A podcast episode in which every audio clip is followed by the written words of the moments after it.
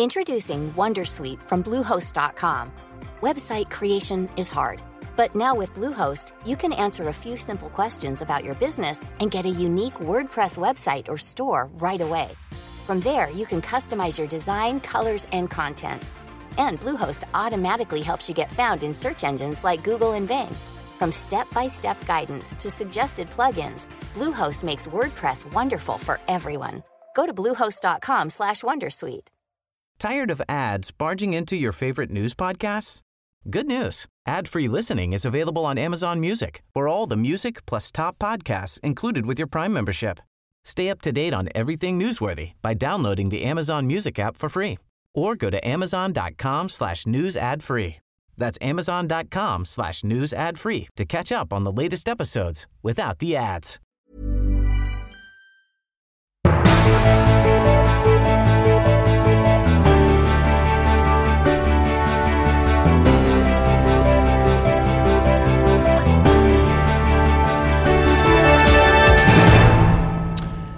God morgen, Eva. God morgen, Svein Tore. Fra Arendal, altså. Ja, her sitter vi. Eh, gjestene har kommet. Vi har vært i vannet. Som alltid her på Arendalsuka. Vi må fortelle at vi er altså på et ekstremt idyllisk sted i Arendal. Eh, vi sitter på brygga rett utenfor det huset vi bor i. eh, og har invitert eh, gjester til denne skal vi si, Arendal Skal vi være ærlige på hvordan den invitasjonen skjedde, syns du? Jeg jeg vet ikke helt om det styrker på en måte vårt omdømme som podkastere, at, vi- at vi rekrutterte dem. Ganske seint i går kveld? Ja. Nei, men, det eh, men desto bedre for dem, eh, som viser seg som ekstremt sporty gjester. eh, Den ene gjesten eh, sendte meg faktisk SMS og ga beskjed om at han var ett minutt forsinka. Det syns jeg egentlig var ganske imponerende. Det er en erfaren gjest, vil jeg si. Den er da- andre var tidsnok, så Ja. det skal også sies. Ja. Ja. Gjestene er altså Magnus Marsdal, redaktør for Manifest Media, eh, forfatter, politisk kommentator, og halvparten av podkasten Mimmer Marsdal. Velkommen. Tusen takk for det. Den andre er jo da Eivind Tredal, eh, lokalpolitiker i Oslo for MDG. Forfatter, usedvanlig ivrig debattant på sosiale medier og ja, mye annet rart, eh, vel? Ja, og Her i Arendalsuka glad i å debattere alle steder, egentlig. Hei, hei. Og, og, og litt lokal, da. Når vi Ja, jeg er fra Tvedestrand, så det føles deilig å være liksom nesten på hjemmebane her. Veldig hyggelig at dere har tatt dere tid midt i Arendalsuka til å komme hit. Ja, Veldig hyggelig at vi også fikk fram for lytterne at gjestene er noen form for sånn andrevalg som måtte hentes inn i siste nei, nei, nei, Nei, vi bare hadde ikke noe plan, og det er våre lyttere ganske godt vant med. Ja, vi ble Så noe andrevalg var dere ikke. Nei, så bra. Og så er dere her fordi, eh, og vi mener jo helt seriøst at eh, når vi skal snakke om Arendalsuka, for det er det vi skal snakke mest om, eh, hvorfor vi er her, hvorfor journalistene er her, hvorfor politikerne er her, og hva dette er for slags demokratisk dansegulv, så er jo dere representanter for, skal vi si, enten dere vil eller ikke, den såkalte eliten, eh, altså enten kommentariat eller toppolitikere eller skravlekasse alt det der. Så vi må jo være litt selvkritiske her og stille oss spørsmålet eh, som lytterne kanskje lurer på. Hvorfor, hva er dette greiene med Arendal? Ja, og det, Alle som har hørt på en podkast siste uka, har jo hørt en eller annen variant av den praten. Så vi kan vel bare si, som vi sier hvert år, at eh, ja, det er eh, Oslo-eliten og resten av eliten som kommer ned her for å være på festival. Ja, Bortsett fra at det er feil, da. Prater masse om bærekraft og AI. Ja. Men så Og sier andre jeg ting. det er feil, fordi det er 100 000 besøkende her. Så, det, så mange elitefolk i Oslo fins det faktisk ikke. Så det skal vi snakke litt om. Er det det som Eva sier, altså den Mm. tradisjonelle kritikken mot Arendalsuka, at det bare er eliten som flytter seg? Eller er det faktisk et, en god arena både for publikum og for andre til å møtes og diskutere viktige saker i Skal vi ta en kjapp sånn yay or nay eh, med Ja. gjestene våre? Ja. Er, det, er det bare tull, eller er det noe i det? Magnus? Ja, Arendalsuka er bare tull, det er riktig. Ja. Ok. Sier han som har vært der i fire dager allerede. ja, men han har vært på jobb, da. Sånn Ja. som deg. Ja, altså, jeg er hvert år. jeg har også vært her. Jeg syns det er blanda. Det er litt sant, og så er det litt uh, Det er klart, det er veldig mange som kommer hit. uh, og jeg som sørlending mener jo når det endelig skjer noe i Agder, så, så må vi backe opp under det. Men den saken som fikk meg inn i politikken første gang, det som var første jeg engasjerte meg i noensinne, det var å få uh, lyntog til langs kysten. Når jeg var med i Natur og Ungdom da jeg var 13 år gammel her i, i, altså i Tvedestrand. Og jeg har alltid tenkt at Arendalsuka er en perfekt måte å få folk til å skjønne at det har vært lurt med lyntog. Sant? For at når, når hele eliten skal forflytte seg ned hit, så er det veldig rart at toget stopper i Skien og Porsgrunn. Men det har ikke lykkes. Så det er, det er liksom Etter så mange år så jeg føler Arendalsuka er litt mislykka på sitt hovedpoeng, som er å få alle politikerne til å dra hit og tenke faen, her skulle det vært en jernbaneforbindelse. Eh, litt trist at det ikke har lyktes ordentlig. altså. Så der, den går inn i skauen, den jernbanen, dessverre. Magnus syns det er eh, tull. Vi skal komme tilbake til det. Vi har lyst til å bare Det viser han også med kroppsspråket, eh, ved å sitte og se litt sånn vekk fra, fra Eivind og i protest. Tanken på skravleklassen som sitter her med et sånn glinsende fettlag som man med fordel kunne ha skåret ut av samfunnslegemet og uten å oppleve varen virkningen reduserte kostnader. Kommunikasjonsfolk og byråkrater og sånne snakketyper som undertegnede og ikke minst Arne Evenes. Så det, det skal vi komme tilbake til. Det skal vi komme tilbake til. Men vi skal som alltid innom eh, et par saker som kanskje har, vi har lagt merke til, Ja. eh, og som vi kan eh, ta i starten. Denne uka i Arendal ble det lagt fram en eh, undersøkelse. For sjette år på rad så presenteres en eh, tillitsundersøkelse fra Respons Analyse her under Arendalsuka. Og den viser eh, Dette er jo en tematikk vi snakker mye om, altså tilliten til norske medier. Ja. Det er noe av utgangspunktet for hele podkasten.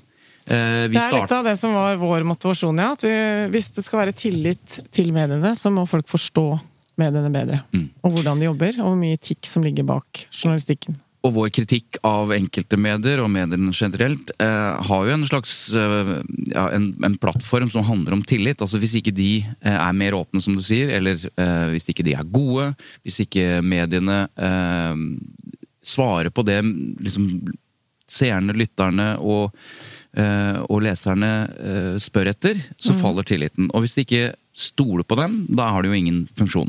Så hva har skjedd med tilliten til norske medier? Den har sunket. Ok, Men eh, hvor stort er utvalget i denne undersøkelsen? Vet du det? Ja, det er altså eh, jeg bare føler sånne målinger, hvis det er sånn Den har sunket med 2-3 Mm. er det eh, Altså, er det en reell endring, eller kan det bare være tilfeldigvis 150 andre som Ja, svarte på det spørsmålet? er, det står utvalget er for 66 mennesker spurt på Arendalsuka på tirsdag. Det er utvalget. Nei da, det er tusen, dette er en ordentlig Det er responsanalyse som har gjort det, så det er et representativt utvalg. Ja. Og det har falt fra 64% i fjor til 60 altså 4 prosentpoeng Ja. ned. I politikken er vel det i hvert fall ganske mye. Det er en hel sperregrense. det 4%. er- Ja, klart at Hadde du hatt eh, 60 i, i partipolitikken, så hadde det vært mye. Kanskje media blir godt til Det er oppslutning. Men eh, om det er mye eller, eller lite, eh, Eivind, hva Ja. tenker du om eh, Hva tror du er årsaken til at eh, tilliten faller, hvis vi skal tro på Veldig det? rart, egentlig. For jeg, jeg, jeg opplever at media altså Hvis det er noen som har slitt med tilliten siste året, så er det jo politikerne. Det har vært utrolig mange skandaleavsløringer. Nå har til og med liksom sommervikarene begynt å felle statsråder og sånn. så ikke for å liksom ta media helhjerta i forsvar, men jeg klarer ikke helt å skjønne hva det er som skulle være liksom så utslagsgivende nå. Nei. Eh, så det, det Jeg heller meg med mot at det kanskje er eh, det er tydeligvis utafor liksom, eh, feilmargin, men det er jo ikke en, et enormt utslag. Det er det ikke. Eh, så vi som er politikere, vi elsker jo å bortforklare målinger. Det er det beste, beste vi vet. Eller si at den, denne målinga som, som er god for oss, den er helt korrekt. Så det her kunne kanskje Media må jo alltid være på ballen, men jeg ville tatt det litt med Hvordan ville du vridd deg unna da, hvis det var du som skulle svare for det? da ville jeg sagt at det er ikke så kjempesvært utslag. Og hyggelig at det er jevne tall, liksom. Jeg vet da søren. Men ja.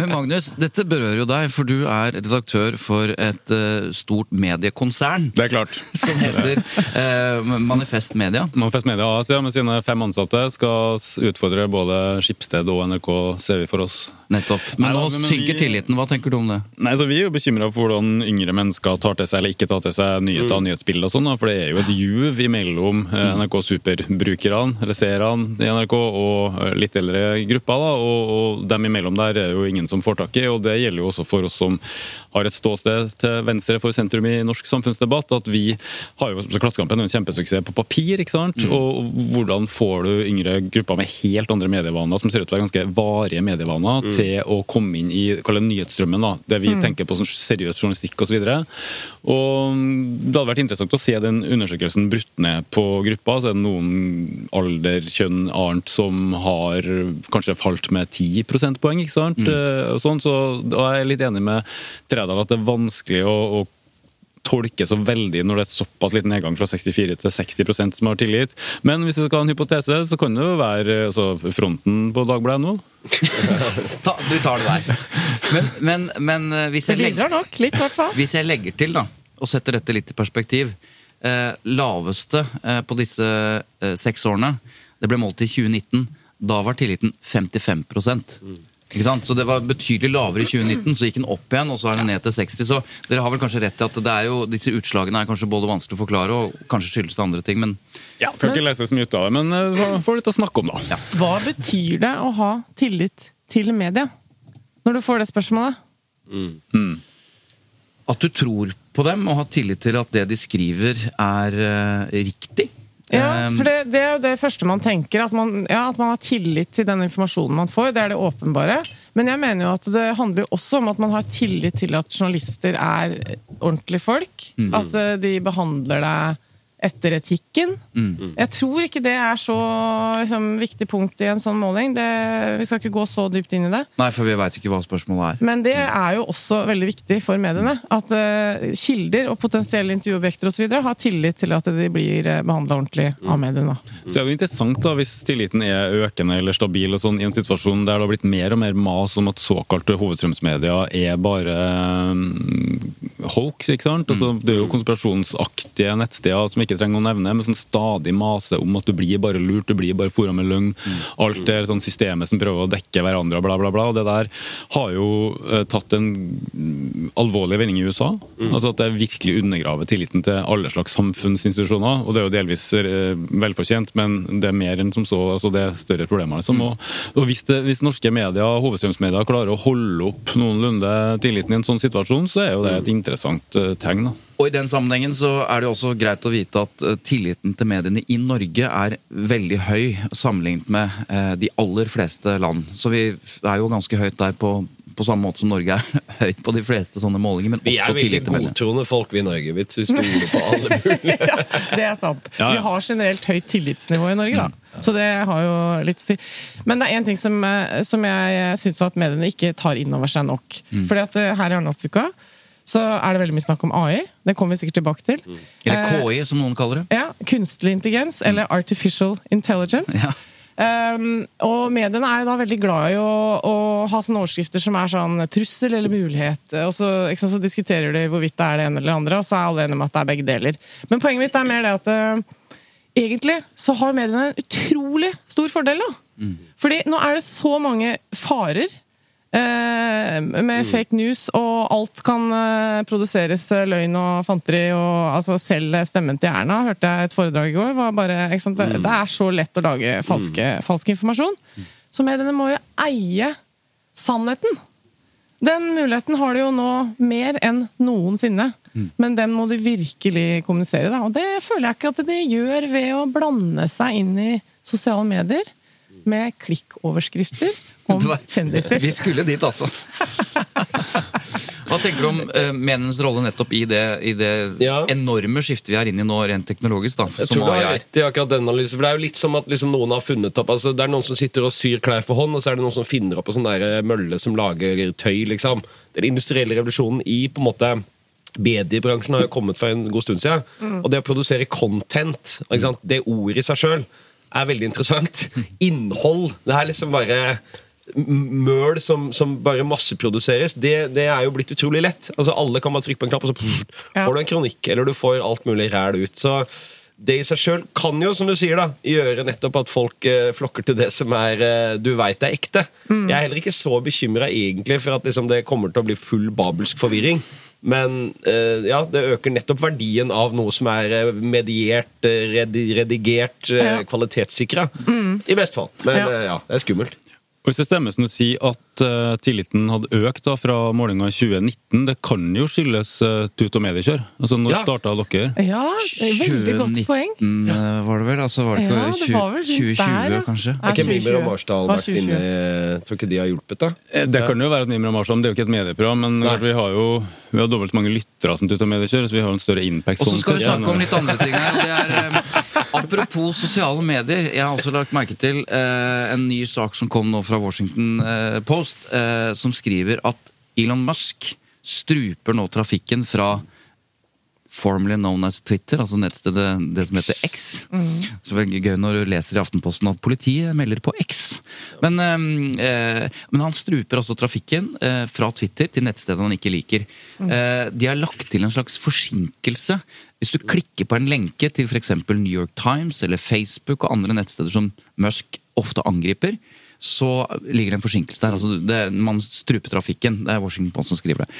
Um, vi, du er Twitter-kongen, eller sosiale mediekongen blant oss. Eivind. Kan ikke du, hvordan har dette, både dette som vi nå hører, og liksom hele dette Elon Musk-skiftet, kan du si litt om hvordan du Ja, jeg var ser bekymra da det skjedde. Og så tenkte jeg vi får se åssen det går. Og det har, det har gått mye verre enn jeg trodde.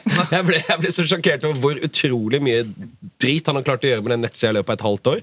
Så det, det er liksom ille. Han har jo tatt over eh, åpenbart i vanvare. Han eh, hadde jo prøvd å komme seg ut av hele den derre altså Han kjøpte det, og så prøvde han å komme seg ut av kontrakten, så han har jo egentlig kjøpt den mot sin vilje. Og så har han bare gjort alt mulig for å herpe stedet. Altså, Han kjøper en merkevare som heter Twitter. Bytter ut hele navnet, fjerner logoen. Med, det heter ikke retweets, det heter reposts. Altså, Han, han utsletter hele den merkevaren han har brukt 440 milliarder kroner på å kjøpe. Har han hatt drypp, eller Jeg hva er veit ikke hva som skjer, men det er jo en sånn moderne Det er jo en virkelig Hvis du hadde skrevet en bok eller laga et filmmanus Ja. med det her, så hadde jo folk sagt at det er litt for ko-ko. Ja. Eh, og så er han også den verste tvitreren i verden. Han er jo kronisk umorsom, han er utrolig døv. Altså liksom, Det skal man ikke si, politisk ukorrekt, men det er så utrolig ja, jeg Ja, nå kan du si at han har er. Aspergers, for det er jo korrekt. Nei, det Ikke sant? Han er, i Men- spekt, han er i spekter. Han si. er en av de dårligste twitterne i verden, og han prøver desperat å få folk til å like han, og ingen liker han. Jo mer han prøver, jo verre blir det. Så det er jo på en måte litt gøy å se. Nå har han den der fadesen hvor han prøver å utfordre Mark Zuckerberg til en slåsskamp. Eh, som ikke fungerer. så så det er jo et sirkus, men for oss som liker å bruke sida, så er det jo litt tragisk. Nå er jeg, Ja, fått en er sånn, jeg er på Blue Sky nå, så nå jeg, Om jeg er? Ja, jeg har nemlig pensjonert meg fra kanalen, så Jeg jeg, tenker aldri inni meg, jeg bare skriver ut alt, og det går som regel ut på Twitter. Så, så, så jeg er det, jeg er fullstendig Så hekta. Men hvis man følger deg på Twitter, så er man egentlig inni hodet hodet da vet sånn du alt jeg tiden. tenker. Ja. Ja, Så det er ok, veldig hva med deg. Magnus? Nei, jeg syns det er veldig bra at uh, Elon Musk eh, fucker opp eh, såpass grundig og skape all den um, protesten. da. Fordi det vi snakker om her, er jo demokratiets informasjonsinfrastruktur. De her kanalene som offentlig debatt skal foregå gjennom. Forutsetninger for en opplyst samtale osv. osv.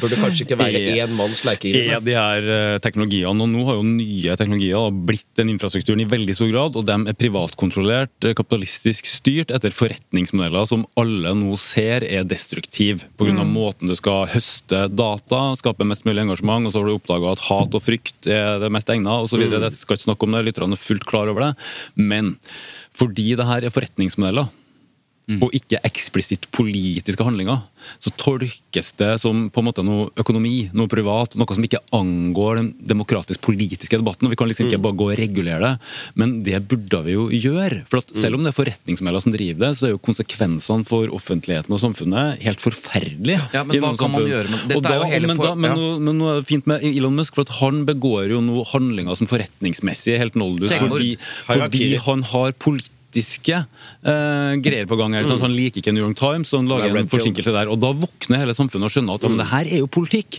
Burde vi ikke ha regulert det? Burde vi ikke ha tvunget dem over i andre forretningsmodeller? Kunne for eksempel ha vært abonnement. bare til et eksempel Da Da hadde man ikke trengt å høste data på samme måte. Så staten, Datatilsynet, andre, EU går jo foran her litt også. Men man må faktisk våkne opp, lukte kaffen og skjønne at det er forutsetninger for demokratiet. Og det kan ikke styres av en liten gjeng. Og Elon Musk bare demonstrerer det poenget. At du er helt utlevert til herskerens velvilje da, i et sånt system. Et Han, føydalsystem. han er jo veldig red pill. Altså, det verste han gjorde, var jo egentlig, det er å være nede i et kaninhull på ytre Ja. høyre. liksom. Men Red pill?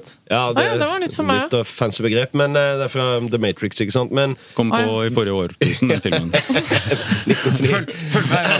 Men uh, det verste han gjorde, var kanskje å ødelegge den der blue check-ordninga. Sånn at eh, du, hvem som helst kan abonnere og få sånn blått merke, og da kommer du øverst i svarene. Sånn at Ja. det er jo bare unnskyld, ut- det, de verste skrotnissene av alle som kjøper det. Og de kommer alltid øverst i alle svar, så du får alltid en fyr med tolv følgere som eh, heter et eller annet med masse tall bak, som skriver, eh, som, som er en konspirasjonsteoretiker. De 20 første svarene på alle tweets er sånne folk, i hvert fall mine. da.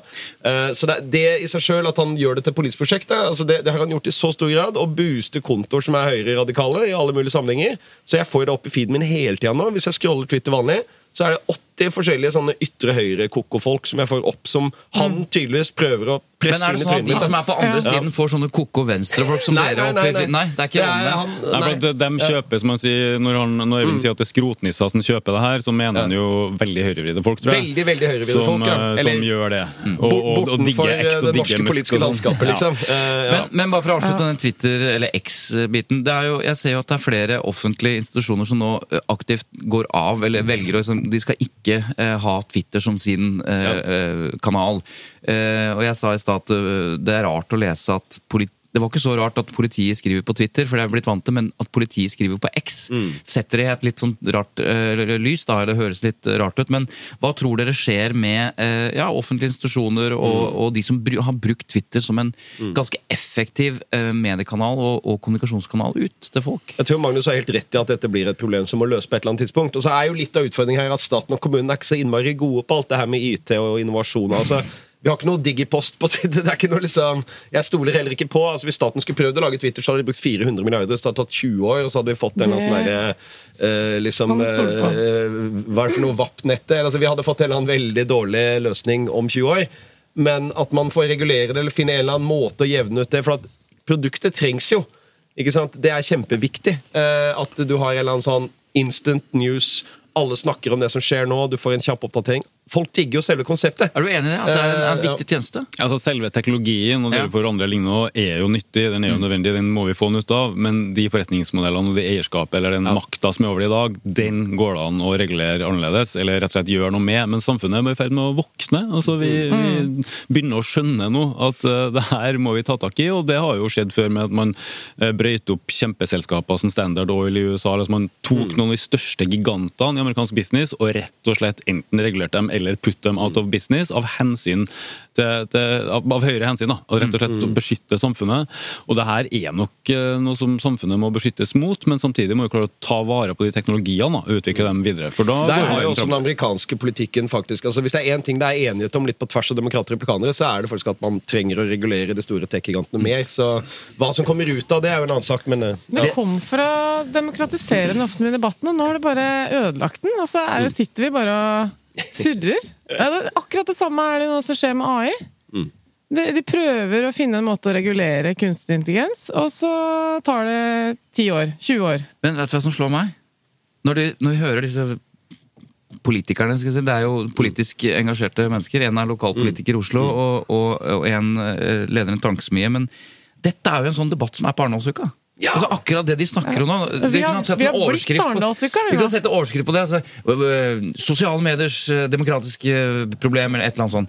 Og det det så gir meg en anledning til å snakke om hva er, hvorfor er vi her. For dette er en sånn En av nå, skal jeg, nå har jeg ikke oppdatert tall, men det er over 2000 arrangementer i løpet av disse fem dagene i Arendal. Mm. Over 2000 arrangementer på et eller annet sted hvor det møtes mennesker, politikere og andre, Mm. som diskuterer ting. Og Det er jo helt abs... Altså, 2000 arrangementer. det- Mm. Hvis du det går inn i appen til Arendalsuka for å finne ut hva du skal gjøre om et kvarter, så har du sånn ca. 100 valg. Ja, og så um, har det vært kritikk mot Arendalsuka helt siden starten. Uh, at dette er, en, dette er ikke noe vi trenger, dette er en, en maktkonsentrasjon, dette er bare for de som skal selge tjenester. og ikke sant, man går opp.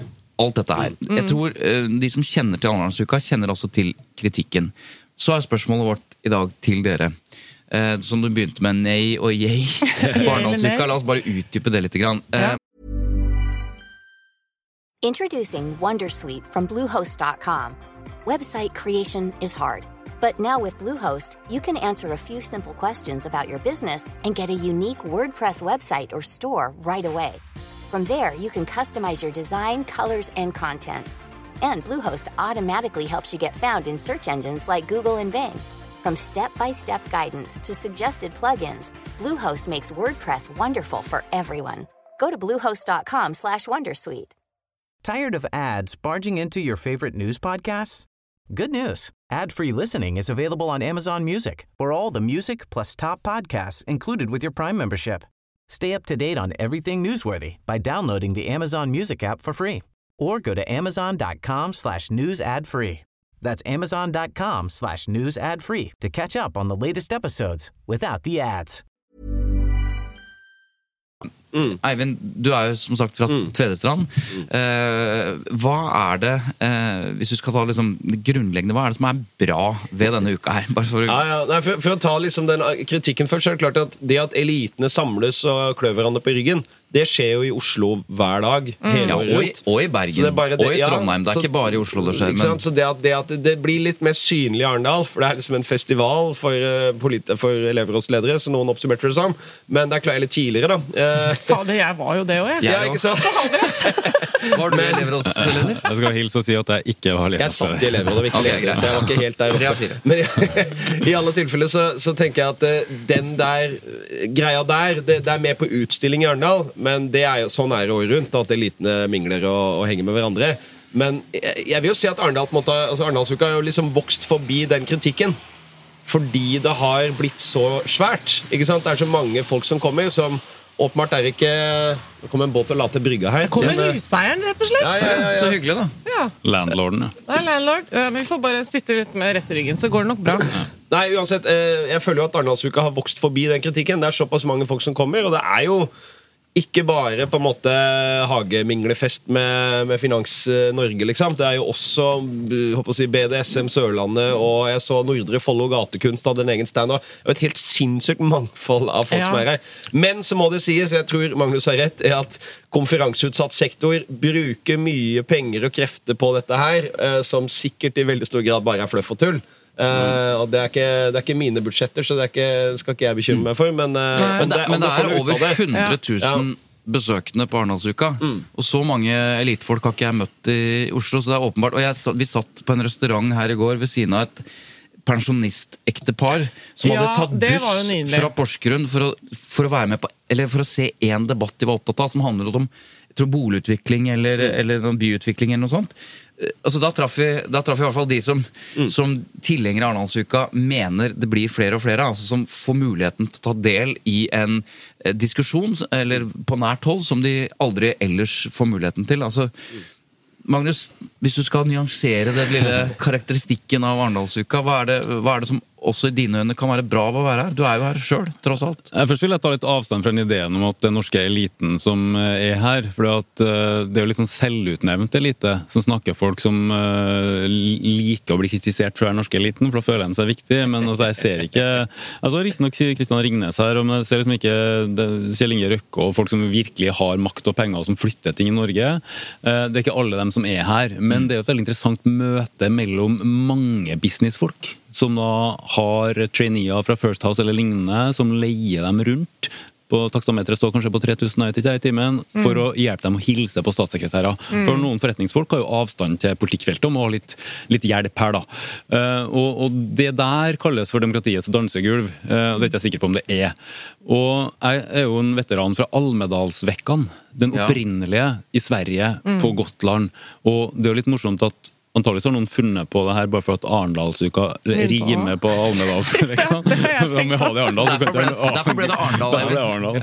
Men det er jo et elitetreff, for der er det jo partiene som styrer. Det starta med at man innleda valgkampen der en gang, og så ble det en tradisjon. Så partiene har sine greier, legger fram politikk, har debatter, så er pressa der, og så driver de og mingler. Men da det skulle komme til Norge, så kom jo den antielitistiske kritikken med en gang, og da måtte de si å ja, hele frivillig sektor er invitert, og da kom de, ikke sant. 1000 sånne organisasjoner, så det er jo mer sånne folk med løpsedler her enn det er elsparkesykler i Oslo sentrum. ikke sant? De er jo i veien uansett. Så det var mye mer smooth bort på Almedalsvekkan. Eh, og jeg lurer litt på det Eivind sier om ressursene. Fordi du får en slags gigainstallasjon av FOMO, altså Fear of Missing Out. Så hvis Universitetet i Bergen bruker en halv million, så må Universitetet i Oslo bruke en Ja, hel. Og man drar da masse folk og ressurser fra Universitetet i Oslo ned til Arendal for å få snakka med en statssekretær. Men, Som men uansett er opptatt, for det skjer så mye. Så, det er jo så- riktig så det at veldig slags, mange virksomheter føler at de må gjøre noe. det er et våpenkappløp, Eh, i- og der, og der Ja. alle, alle, kommer akkurat like langt som de var fra før, for alle de andre har gjort det samme Men så mange våpenkappløpet. statssekretærer og politikere er ikke her. Fordi, og dette her liksom ja, jeg hører denne kritikken om at eh, både kommunikasjonsbyråer og universiteter og organisasjoner skal prøve å huke tak i liksom, ledende politikere for å si et eller annet. For det første er det helt meningsløst. For du, om du treffer en politiker på hjørnet og sier 'Hei, jeg kom fra universitetet, bare nå skal du høre at det, må få-» det har ingen effekt. Og det er ikke så mye av det. Det jeg ser når jeg er her i Arendal, det er at eh, Nav-direktør Hans Christian Holte han er ganske synlig i terrenget, for han er 1,90 høy. Han rusler rundt Ja, med minst. Han rusler rundt med sekken på ryggen, går rolig rundt i Arendals gater og slår av en prat med hvem som helst. Det skjer aldri i Oslo, det skjer ikke i Bergen, det skjer ikke ellers i året. Og det skjer ikke bare med han. Men mennesker som ellers sitter opptatt på sine kontorer i eh, Høyblokka eller i næringslivsbygg, eller hva det måtte være, de er rusler rundt, møter mennesker. Både ja, de som har en interesse av å møte dem, men de er ikke idioter. De, de skjønner at de endrer ikke politikk eller vedtak, for det kommer en nisse og sier Hei, nå er det viktig at du tenker på dette her. Men det er en anledning til å møtes og prate om andre ting enn, og mulighet til å treffes på en helt annen måte. Ja, og mange tar det som en tur. Ja, ja, men- Forlenga sommerferie. Jeg tror at den tilliten og den åpenheten som preger vårt samfunn Jeg mener at dette her er slags kvintessensen av det. Det er ikke politifolk her som er synlige, nesten. Det, her møtes alle. Ja. Og, og det er tett. Og, og nå er jeg ikke i gang med å snakke om arrangementene. Hvis du tråler de 2000 arrangementene, så er det i hvert fall 150 som er ekstremt interessante. Men jeg Så- tror, jeg tror det der er gode poeng, og jeg skal ikke snakke så mye. bare si at jeg, jeg, jeg, Du er her for å snakke, så det er Ja, greit. men jeg, men jeg vet at, at Eivind Trædal ikke har snakka på to minutter, og da, da kan det bli abstinenser. Eksplodere. Så jeg bare I, I, I feel you. Men um, det som én ting er liksom at det kan bli litt uh, skjevt utvalg. Jeg var på et møte om uh, formuesskatten, fleip eller fakta, i går. Der stakkars uh, finanstalsmann Jacobsen fra Arbeiderpartiet uh, Stortinget må høre på et kobbel av halvformuende folk som sitter og klapper hendene av seg når en sånn sunnmøring langer ut mot skatt på rikdom. Da. Og det er klart at Når han fra Arbeiderpartiet står og kjenner den opinionen og merker egentlig det folkelige trøkket i den baren fra de ganske formuende folkene, så er det en sånn en, en biased eh, virkelighet, og unnskyld engelsken, men at du får en følelse av at du er her opinionen. Og klart at hvis du måler på inntekt og, og formue på alle som er på de arrangementene som politikere står og diskuterer sånne ting på, så kan det godt være at det her er ganske skjevt, at du får et vridd bilde av opinionen og virkeligheten. Det er liksom ikke et, et klubbmøte på Aker Verdal Verftet, verftet. Men så har jo Tredal helt rett i at sånn er det i Oslo hver dag uansett. Sånn at hva er problemet, liksom? Ja, og Bare for å ta en, eh, en diskusjon eh, i all beskjedenhet som jeg syns var ganske interessant. Jeg leste den selv. Eh, og det var eh, I går så var du, Magnus eh, Marsdal, sammen med Asle Toje, som er en, eh, en sånn Minerva, eh, konservativ ideolog, eh, sitter i Nobelkomiteen. Og dere skriver mye, kommenterer eh, til vanlig. Nå møttes dere på scenen sammen med Harald Eia i regi Ja, av bra, at du, bra at du fikk med Harald, for ellers hadde det hørtes helt dust ut. Riktig. Eh, sammen der med Det var det faktisk var tre menn. Det var ikke bare Ja, det var- to menn. det var Ja, tre men menn, faktisk. fire. Fire, ja. Fire Fire menn. Men det, var også, Scenen. men det var også en kvinne, så det Ja. Men poenget mitt Ja. er bare at der sitter Det var det, var KLP, eh, som er liksom eh, kommunens pensjonskasse. Kommunal langspensjonskasse. Riktig. Jeg må bare Eh, avklare, Er dette content marketing? Driver Nei, du nå med? nei, nei, nei, jeg, prøver, jeg skal komme til et poeng. Okay. Og Der sitter eh, liksom representanter for hele Kommune-Norge, hele politiske spekteret. Liksom eh, partimessig fra alle kanter, og, og folk som jobber med de store utfordringene. Demografiutfordringene, kommuneøkonomi osv. Og, så og der sitter du, eh, representant fra venstresiden og høyresiden, og har en en ganske interessant eh, ideologisk politisk debatt om den norske modellen. Om den er klar for å ta imot, eller om det er riktig styringssystem i framtiden. Og det, Jeg snakket med flere som, som var der, og de sier at dette er jo litt hvorfor jeg er i Arendal. For, for akkurat dette her får jeg verken på Dagsnytt 18, Nei, på det- det Dagsrevyen faktisk eller hva. Jeg sitter i en time som kommunaldirektør i, i, i, i et eller annet fylke, nei, jeg mener kommune, og får servert tanker, langsomme, eh, kloke tanker. Og det er derfor jeg er her. Og Men det er litt unikt, da. Jeg følte det samme, men ikke til forkleinelse til deg, Eivind. Men det som jeg følte var litt grunnen, var at det var fire stykker på den scenen som ikke er politikere, som snakket om hvor samfunnet vårt er på vei. Og det er ikke fordi at ikke politikere kan ha en sånn interessant samtale, men det er noe med at det, den der debatten som er på TV hele tiden i nyhetene om politikk, den er så kort Altså, Ja, men folkevalgte og politikere er jo en selger, ikke sant? og skal alltid Ja. selge noe til velgermarkedet. ja. Ja, og, Og det- og, og bare for, Eivind, det er mange av de debattene her nede òg. Altså, hvor eh, dere politikere løper fra altså Det er jo 25 debatter om dagen. Det blir jo ikke interessant alle sammen. Men for å ta en ting, for Dere er inne på noe som jeg tenker er litt sentralt der. det er jo, Nå har vi hatt veldig mye frykt for polarisering i ganske mange år. ikke sant? Norge ser jo ut til å stå an av stort sett. da. Vi har jo stadig polarisering på politiske temaer. Men vi har jo ikke den der liksom, samfunnslimet går i oppløsning-stemninga. stammekrigen. ja. Eh, og, og det tror jeg jo også, da, hvis man skal ta litt til forsvar den ideen om at eh, eliten klør seg hverandre på ryggen det, det er jo masse folk som møtes her i en trivelig, litt sånn sørlandsk idyll-setting, eh, som ellers ikke møtes. Og når man møtes, så er det jo ofte mye hyggeligere enn når man sitter bak tastaturet. da. Så i går, Jeg har ikke krangla så mye med han, men vi er ikke så politisk enige. Jeg møtte han eh, sløseriombudsmannen Are Søberg kom bort. Hei, hei! Så slår jeg en prat med han. Nei, men så hyggelig. Og ja, vi var egentlig litt enige i det og det. Og ja, men så spennende, sant? Og så, så han der, lederen for Industri- og Næringspartiet kom bort. Hei, og hyggelig, og ja, ja, stå på videre. Og, og du, du kommer en fyr fra Norgesdemokratene. Ja, du vil vel ikke ha løpseddel av meg? Ja, ja! Ha det gøy, og så videre. Så, så det er noe med at du tar ned den eh, Selv om du selvfølgelig da har ekstremt sterke politiske motsetninger. Det at man har sett hverandre i øya og sagt hei, liksom at det går an å ha en prat på bakrommet. Ja. At det fins en backstage og en onstage, og at du kan liksom anerkjenne at andre folk er mennesker. Det er ganske viktig i politikken, og særlig med sosiale medier, som vi akkurat har snakka om, hvor det er veldig lett at det blir stammekrig i hvert sitt hjørne, Ja. og polarisering og demonisering og alt det der.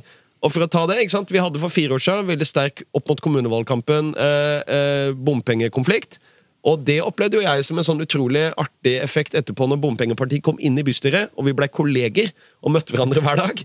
Så blei det utrolig mye hyggeligere. Og så begynte de å Ja, jeg skal fjerne de der folka som truer, eh, truer dere. De skal vi få vekk av Facebook-gruppa, vi skal ta tak i det. Så det er jo en sånn effekt av å møtes og se hverandre i øya, som du får i en veldig intens periode her i Arendalsuka, som jeg tror er veldig viktig for politikken. da. Eh, Og det er litt viktig at det ikke er i Oslo, for da drar alle hjem på kvelden. Men- og da blir det ikke det samme. Eh, Kan jeg minne både gjester og medprogramledere om at denne podkasten heter Tut mediekjør og tar for seg oppgaven å forklare hvordan journalistikken blir til. Ikke Ja politikken. ja, men altså Og da har jeg lyst til å komme inn på eh, det som er journalistikkens rolle her, eller, eller møtet mellom journalistikk, journalister og politikere, næringslivsledere og organisasjoner. Fordi det er ikke så mye nyheter fra Arendalsuka. Hvis du slår opp på VG nå etterpå, det er ikke, det er én Det var én nyhet jeg så fra VG. Det var eh, litt eh, artig, hvis jeg får lov til å si det. Det var en debatt som handlet om eh, liksom funksjonshemmedes eh, eh, altså tilgjengeligheten eh, i samfunnet. Da, eller, hva heter det? Universell Universell utforming. osv. Ja. Som ble holdt på en båt de ikke kom om bord i. Så selve debatten om det kom de ikke ja. Men, Så det var en nyhet i VG. Typisk liksom, artig Heia Norge-nyhet. Men det er, ganske, kalles for show don't tell i journalistikken. det er få nyheter herfra. Det, er liksom ikke, det, det popper ikke ut masse greier, men det er ekstremt mange journalister, redaktører, kommentatorer her. Og Eivind, forklar, hvordan, det, hvordan er dette møtet med, med journalister og redaktører og kommentar, kommentatorer her for politikere? For meg er det jo litt sånn der eh, Man prøver vel å gi dem noen hotte takes, da, kanskje. Eh, vi som er politikere nå i valgkampen Jeg er lokalpolitiker stilt til valg i Oslo, så da blir det jo mye sånn hva viser målingene? Ja, nå, nå må du følge med på dette her. og Du ser jo nå trenden eh, er positiv, og her er noen gode saker. Så man, man, man blir jo liksom å gå og prøve å spinne de litt, da, som politiker. Og, Og da snakker du med liksom Tone Sofie Aglen i Ja, NRK ja, og. Fridtjof Jacobsen i DN. og ja, Han tror jeg ikke når gjennom til, men prøver liksom å prøver, prøver sikkert alle, prøver å godsnakke litt med kommentatorer og andre for å få sin? For at de skal se ting fra ditt perspektiv, og kanskje gi deg en litt mer Altså skjønne deg litt bedre neste gang de skal skrive noe om ditt parti, f.eks. Mm. Det er nok en bit av det. Og så er det sikkert en del innsalg av saker og sånn òg, men jeg, jeg merker at kanskje mest den derre liksom gå rundt og, og med liksom heva hodet og prate med de og liksom si nå går valgkampen bra for oss, og det må du huske å skrive hvor vellykka vi er om dagen. og Det er nok litt det vi holder på med. altså. Du driver jo ditt eget mediekonsern. Eh, Hvordan eh, møter du deg sjøl i døra? Driver du med begge deler? Både Hvordan er din rolle her nede? Nei, Manifest Media har jo så vidt starta, så vi skal nok ned hit neste år tror jeg, og begynne å gjøre ting på Arendalsuka. Jeg tror mange av våre publikummere som kanskje da er til venstre for midten i norsk samfunnsdebatt, vil synes det er litt spennende med hva sånn ja, Raddis medium vil finne på nede i Arendal. da. Og sitte og føler på hva er grunnen til at jeg er ganske skeptisk til opplegget, og jeg hører ganske gode argumenter for at man bør ikke være det heller. Det er jo noe egalitært ved det. Men hvis jeg skal si en ting om det med media, så er det at jeg tror Arendalsuka den eh, inkarnerer et sånt samfunnsproblem som vi har pådratt oss de siste tiårene, som er Kjartan Fløgstad beskrevet som Oslo-prosessen. og Det betyr at makta, mediehusene, dem som definerer premissene i samfunnsdebatten, tror at Norge er som Oslo. Det vil si, det er ikke noe særlig industri der, og det er et sted der man kan kommunisere seg til løsninger på samfunnsproblemer. Det er en bunch med utredere, byråkrater, og tenkere og kommunikatorer. og Det er liksom horisonten sosialt. Og nå som vi skal erstatte olje og gass som viktigste eksportnæring med helt andre ting, som kommer til å koste masse skills og engineering og fantastiske installasjoner, det der ser du på oljemessa i Stavanger. Sånn, på ONS da kan du gå i hangarhall etter hangarhall og se kapitalismens teknologiske kunstverker. Og det er på en måte ti ingeniører per kommunikator. da. Det er bare de største selskapene som har litt sånn komfolk, ellers så er det på en måte menn som bygger ting, og etter hvert stadig flere damer også. Og de folkene der de driver jo med det som er på en måte framtida for Norge i stor grad. da. Og hvis folk som er journalister i Arendal er klar over det, så er det greit. Men hvis de er i Arendal og føler at nå har jeg møtt Norge Altså at Norge og alle interesser er representert ved en bunch med kommunikatorer og, og, og byråkrater og, og sånne. Som bare prater, og ikke viser fram ting. og du tror at det Ja, men og ikke, ikke bygge ting, da.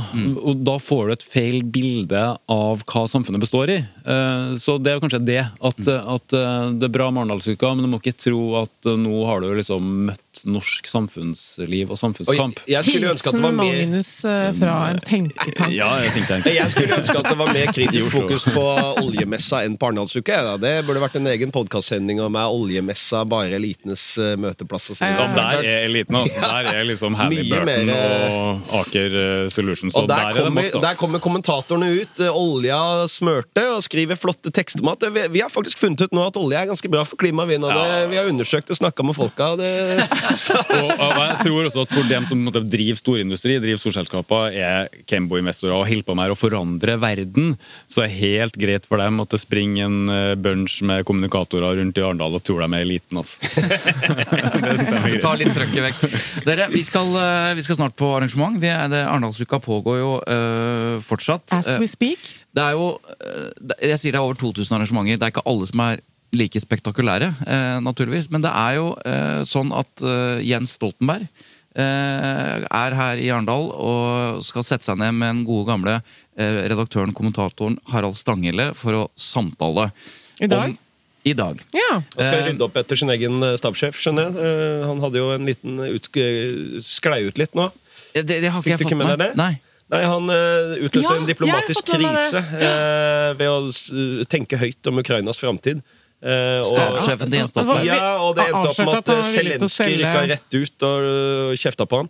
Så det er en dårlig dag på jobben i Ørendalsuka. Hvis. Hvis, Men hvis, hvis Zelenskyj kjefter på deg så var det vel sånn at Ja. eh, han mer eller mindre avslørte at Nato var villig til å eh, gå, få Ukraina raskt inn i, eh, Ja, det i NATO, også hvis de ga gikk fra med på seg å gi krigen. Men fra sa han det seg sa han det til noen på et hjørne i. Arendal og trodde at ikke Zelenskyj med får det sa det i en eh, panelsamtale. Bare tenk litt høyt. Tenk litt høyt. Og det er ikke, det er jobben til stabssjefen Han å jobber tenke ikke litt. der. Uansett, eh, Stoltenberg skal Poenget er i hvert fall eh, at Stoltenberg er her. Eh, Det er et av de antageligvis kommer til å bli et av de mest besøkte arrangementene. Det er jo et arrangement istedenfor at det er på en bar hvor det er plass til tolv stykker, så er det det store kulturhuset i Arendal. ja, Det kommer til å bli dårlig besøk, for samtidig skal jeg diskutere vannforsyning og sånne ting en annen sted. Så det er sikkert det er der folk kommer til å flokke. da Det blir en kamp om oppmerksomheten. Trist for Stoltenberg. Så Jens Stoltenberg tar seg turen til demokratiets dansegulv, ja. Absolutt. For å, for å legitimere hele opplegget. Kan jeg skyte inn at jeg har dansa med Jens Stoltenberg? Det kan du gjerne. Jeg ville bare nevne det når jeg hadde mulighet. Tusen han takk. var han så stram, som de sier? Han er veldig veltrent, har jeg hørt. Ja, det er noen år siden, da. Ja. Han var, ja, stram er sånn, i sånn, eh, dansestilen, Nei, men at eh, du, du tar den og gir den en klem, så kjenner du den ryggtavla at den er hard. Sånn liksom. er det, Han, eh, husker jeg ikke, det er ikke noe, ikke noe kvapsete der, nei. Det var ikke klindans. nei. Nei, jeg bare lurte. Da er det på altså, tide å dette var et kongelig eh, bryllup, så det var ganske anstendig dans.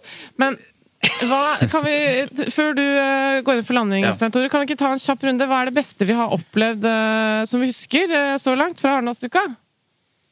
Jeg har jo faktisk ikke vært på noen særlige arrangementer, for jeg har ledet fryktelig mange. Ja. Eh, og de har jeg, er jo ikke objektivt sett eh, i stand til å vurdere. Men jeg syns, eh, jeg syns de debattene som handler om kunstig intelligens altså Én av ti av de er interessante. For de, de ni andre er sånn ja, Det er noen overskrifter og noen sjablongmessige kommentarer, som du sa i stad. Ja. Det, er skummelt, og så er det litt muligheter. Men Ja. de som virkelig kan dette, sånn som f.eks. Inga Strømke, som har skrevet en bok om kunstig intelligens. Å høre mitt. henne eh, de, uh, snakke om dette er uh, litt mer interessant Ja, enn hun ble intervjuet av Nicolai Tangen eh, i regi av Oljefondet. eh, og det var jo så befriende også fordi at hun, er, jo, hun er jo fra Eller jobber på NTNU. Ganske ung. eh, stiller opp og skal møte oljefondsjefen eh, i olashorts, T-skjorte, tattiser, og bare stiller han til veggs, liksom. Ja, og er det Jeg var sånn shit halvfornøyd dette med oljefondets uh, notat som de hadde kommet ut med samme dag, Uh, hvor de har noen retningslinjer for sine investeringer. Da, Mm. uh, og, om hvordan de bedriftene må forholde seg til kunstig intelligens osv. Det var dama si, ja. Mm. Det, det Ja. All ære. Og, og vi ville jo da prøve å få henne med sammen med dere i denne podkasten. Eh, men eh, jeg gjorde et kjapt Google-søk på henne. Må bare si det, for det var veldig morsomt. Og det som kommer opp da, er jo ofte LinkedIn-profilen til folk når du googler dem. Og i den bioteksten der så sto det bare 'Fully booked. Uh, out eh, 2023. Don't contact me'. I'll contact you. Høydepunktet så langt, Eivind? Jeg vet ikke, det har vært mye bra. Eh, Jeg synes syns det var, var en debatt i går om universell utforming. Som jeg, det var egentlig bare bra fordi det var flere selv av liksom, de som bruker, eh, trenger universell utforming, som stilte statsråden til veggs. Jeg syns det ble en liksom, god prat. Jeg var med sjøl som panelist, men eh, det var egentlig det var best å se statssekretæren bli, bli grilla. De har jo prøvd å kjøpe inn nye tog som ikke er tilrettelagt. Så det, var sånn, det er en sak jeg brenner for, som jeg syns ble veldig fint. Jeg hadde også en gøy sånn pause i går. Jeg satt ute i parken og så snubla jeg over eh, Aksel Brånn Sterri, han etikeren, og Aksel eh, Fridstrøm fra Minerva. Så satt vi på hver vår plaststol i parken i en liten halvsirkel. Og så kom noen andre innom og satte seg ned. Og så satt vi og pratet, og så faen, nå har vi skapt en panelsamtale her. Den er bare oppstått, liksom. For der sitter det tre menn med god sjøltillit og skravler og skravler. Så det er som Antikkens agora. Arendalsuka bare skaper den eh, effekten. da Så det var jo sånn passe klysete. Men det var, jeg, jeg måtte le av det når jeg så, når jeg så på oss. Og bare, her er vi. Ja, Jeg vil i stedet for velge å framheve noen andre enn meg sjøl. Altså det mest imponerende eh, som har skjedd under Arendalsuka i min lille verden, er Mimir Kristiansson, som var på et sånt karaoke-nachspiel mandag kveld, som var så utagerende at han klarte å miste både PC og mobil, tror jeg. Likevel 08.15 var han i Stavanger etter nattoget, klar for å spille inn Mimre og Marsdalpodden. 08.15, altså. altså det, det er helt makeløst. Ja, bra du trakk fram han noe som ikke handlet om, handlet om deg selv. Tusen takk for, eh, for at dere kom eh, på skal vi si, relativt kort varsel eh, og diskuterte Arendalsuka. eh, Twitter og medienes tillit med oss. Og mm, Veldig Eva, hyggelig. Eva, da klarte vi å holde det løftet fra forrige uke at det ble sending også denne Det gjorde vi. Veldig imponerende. Jeg er stolt av deg, Svein Tore Bergstuen. Stolt av deg, Eva Sandum. Da lar vi det være med det. Ja, Lyder Produksjoner produserer Tut og Medikjør. Og hvis du har spørsmål som du har lyst til at vi skal svare på, så gjør vi det neste uke. Så bare send inn på tut. Krøllalfa. Lyderproduksjoner.no. Takk for oss. Takk for meg. Takk for oss. Tut og kjør.